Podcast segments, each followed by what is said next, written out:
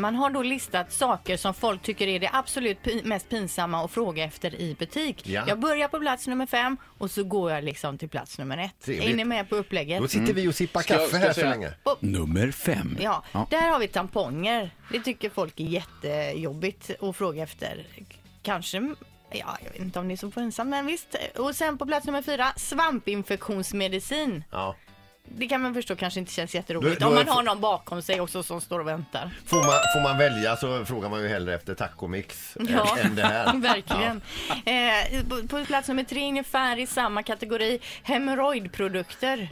Det tycker man också kanske är jobbigt Ja. att Ja, fråga efter. ja. Om de har några sådana här, vad heter det, stolpiller eller mot hemorrojder.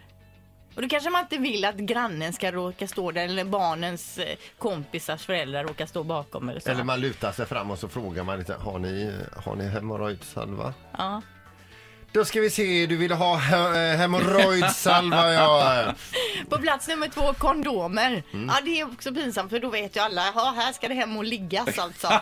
Men på plats nummer ett, det som man tycker är absolut svårast och pinsammast att be om i butik, det är vuxenblöja. ja. Ja, men fan. Fast jag tänker också så här, säger man jag skulle behöva en vuxenblöja, kallas det ändå inte inkontinensskydd Ja, eller men det- någonting? det Det, är känns ju lite proffsigare kanske. ja, men det är gott när man väl vet om de- var de ligger.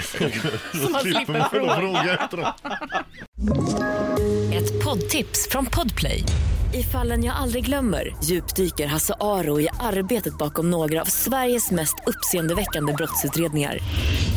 Går vi in med hemlig telefonavlyssning och, och då upplever vi att vi får en total förändring av hans beteende. Vad är det som händer nu? Vem är det som läcker? Och så säger han att jag är kriminell, jag har varit kriminell i hela mitt liv men att mörda ett barn, där går min gräns. Nya säsongen av Fallen jag aldrig glömmer på Podplay.